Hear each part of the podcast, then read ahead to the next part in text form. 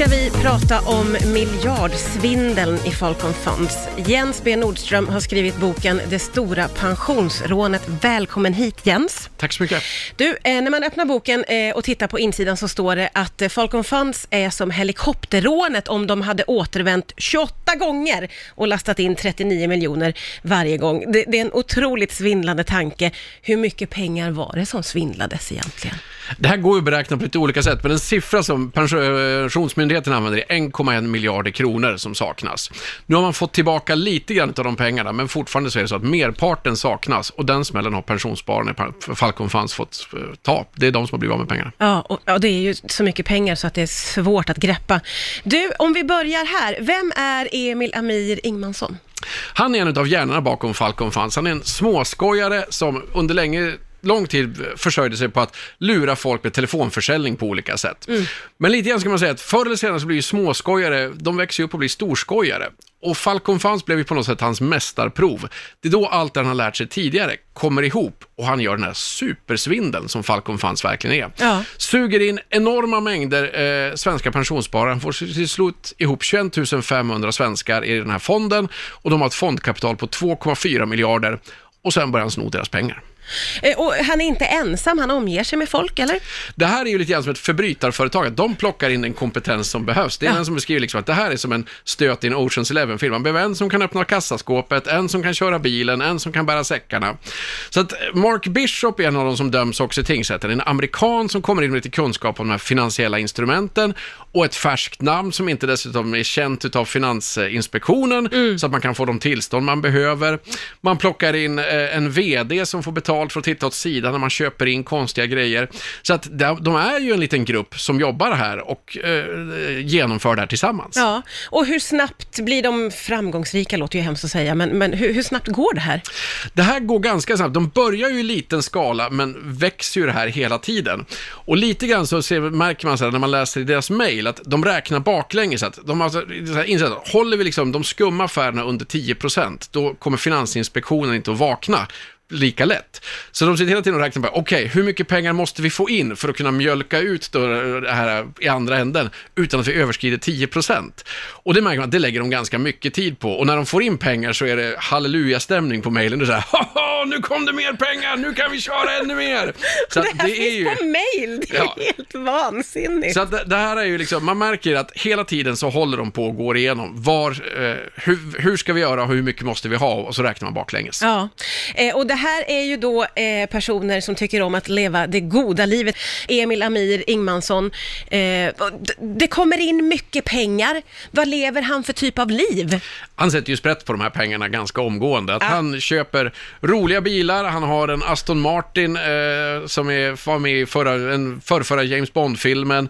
Han köper en jättefin lägenhet eh, i, på Malta med utsikt över vattnet. Jag var uppe och tittade i det huset när jag var där nere och det var verkligen sådär en utsikt som man kan dö för. Ah, och ja, sen ja. så flyttar han till London och har sånt där hus som har en hyra på 80 000 kronor i månaden och en lägenhet i Kensington.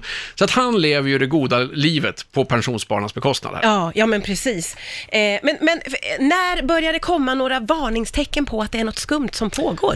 Problemet är att varningstecknen kommer ganska omgående. Redan 2013 när de liksom kör igång så händer det massa saker som får svenska myndigheter att vakna. Mm. Men problemet är att det här fastnar i en slags pingpongspel mellan myndigheterna. Vems puck är det här? Och så ramlar det lite grann mellan stolarna att eh, Pensionsmyndigheten tycker att det här är inte vårt jobb, det här ska ju Finansinspektionen sköta. Finansinspektionen tycker att men kanske borde Ekobrottsmyndigheten göra och Ekobrottsmyndigheten lyckas inte driva till åtal. Och så faller det här lite grann mellan stolarna. Men de är de hela tiden grann på spåren. Men det är det här man märker, liksom, mästersvindlaren, hur han har lärt sig också. Vilka spakar ska man dra i? Vilka knappar ska man trycka på? Mm. För att få kontrollinstanserna att backa undan också. Ja, eh, men, men vad är det som händer? Hur, på vilket sätt avslöjas de? I princip så är det så att dels är det ju, det börjar komma en del mediauppmärksamhet, ett par artiklar i Dagens Industri och då vaknar ett par tjänstemän på Pensionsmyndigheten och de säger ju så här kan vi inte ha det, det här går inte, det, ingen annan verkar ta den här pucken, då mm. får vi göra det. Mm. Och då är det i princip två killar på Pensionsmyndigheten som driver lite grann som privatspaning och börjar rota i det här och försöker engagera folk runt omkring sig. Ja. Och de säger själva att det var enormt tungjobbat, eh, ingen liksom medvind i början, men att vi kände att det här är någonting som är riktigt skevt ute. Ja. Ja. Och sen pratar de också med Kalla fakta på TV4. Och då säger de själva, när Kalla fakta sändes, då vaknade liksom chefer till och alla liksom insåg att Nej men vi kan inte ha det på det här sättet. Det här är någonting som är för skumt. Ja. Nu måste vi sätta ner foten. Ja. Och då brakar det ju loss när man slänger ut Falcon Funds och säger att ni måste ta och eh, lämna tillbaka alla pengarna nu. Så det är när TV sätter sin lampa på som det liksom verkligen börjar eh, hända jag skulle säga att det är droppen som får bägaren att rimma över. Men det är rätt mycket de här tjänstemännen som på egen hand sätter ner foten och säger att Nej, det här är inte meningen att det ska funka på det här sättet. Falcon Funds avslöjas. Eh, eh, hur, vad, vad döms de här personerna till, om vi börjar där?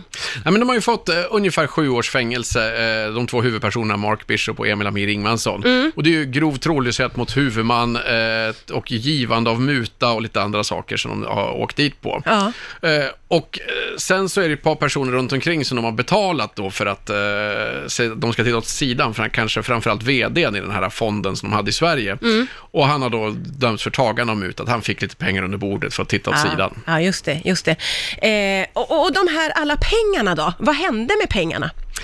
De har ju försvunnit iväg på alla massa olika saker. En del har man ju, svenska myndigheter har hållit på och jagat de här. Bara för någon vecka sedan nu så kom nyheten att man har gjort ett avtal med Banco Valletta som skulle vara lite plånboken åt Falcon fanns och se till att de inte gjorde massa konstigheter.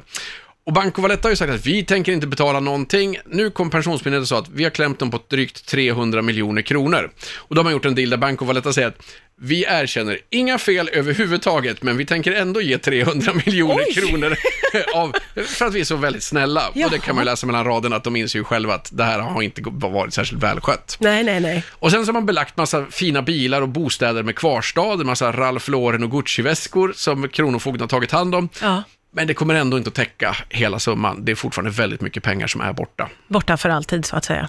Ja, man försöker ju jaga de här, men såna här killar brukar vara ganska duktiga på att gräva olika hål på olika ställen. Man vet till exempel att Emil Amir Ingvarsson har 25 miljoner kronor i Dubai, som Sverige inte kommer åt för vi saknar en massa avtal med Dubai. Så att det finns ju förmodligen ett Ja. par såna här hål lite varstans. Ja, det är klart det. Eh, varför drogs du till den här historien? Ja, men dels att det, var det, stö- det är det största ekobrottet som har genomförts i Sverige. Inget ont om helikopterrånarna, men de var ju småhandlare jämfört Om med det här jämför, gänget. ja. Det var ju så oerhört mycket pengar. Och sen är det den största stora pensionsskandalen också. Det var egentligen först när Falcon Funds verkligen hade gått åt skogen och man insåg att här har folk förlorat väldigt mycket pengar. Som Pensionsmyndigheten inser att vi måste ta på oss en mycket mer polisroll än vad vi någonsin har haft. Och då kommer ju alla de här andra skandalerna i Allra, GFG, Fondeum och liknande som rullas upp då. Och ingen av dem är riktigt, är i alls lika dåligt skick som Falcon Funds, men det är bara lite grann i ljuset av det. Så att det var väl det som lockade mig. Och sen var det mycket jag inte visste. Att som reporter så är det ibland så att man ser det här. Här händer en massa saker som jag förmodligen inte förstår, men vi måste springa vidare för att det är... Ja. Ja. Och då var det lite kul att gå tillbaka och försöka reda ut, men vad var det som hände egentligen? Ja. Eh, och blev du förvånad när du började gräva? Ja, det, det, var väldigt, det var värre än vad jag trodde. Det var mera saker som hände. Det var också massa saker som jag inte riktigt hade förstått betydelsen av. Till exempel så plockade ju, när de flyttade till Malta så plockade ju Falcon Funds-gänget in Maltas förre finansminister som styrelseordförande, deras Anders Borg ungefär. Ja. Och det hade inte jag fattat att han gjorde att de i princip blev orörbara på Malta. Det var ingen som vågade se sig på dem där nere, för de hade den hetaste killen i landet som styrelseordförande. Och det där var ju såklart väldigt spännande att försöka ta reda på vem han var. Och jag var nere och intervjuade honom och det gav väldigt mycket insikter av varför det hade gått så långt som det gjorde. Ja. ja. Boken heter Det stora pensionsrånet, miljardsvindeln i Falcon Funds. Så roligt att du kom hit idag. Tack snälla Jens B. Nordström.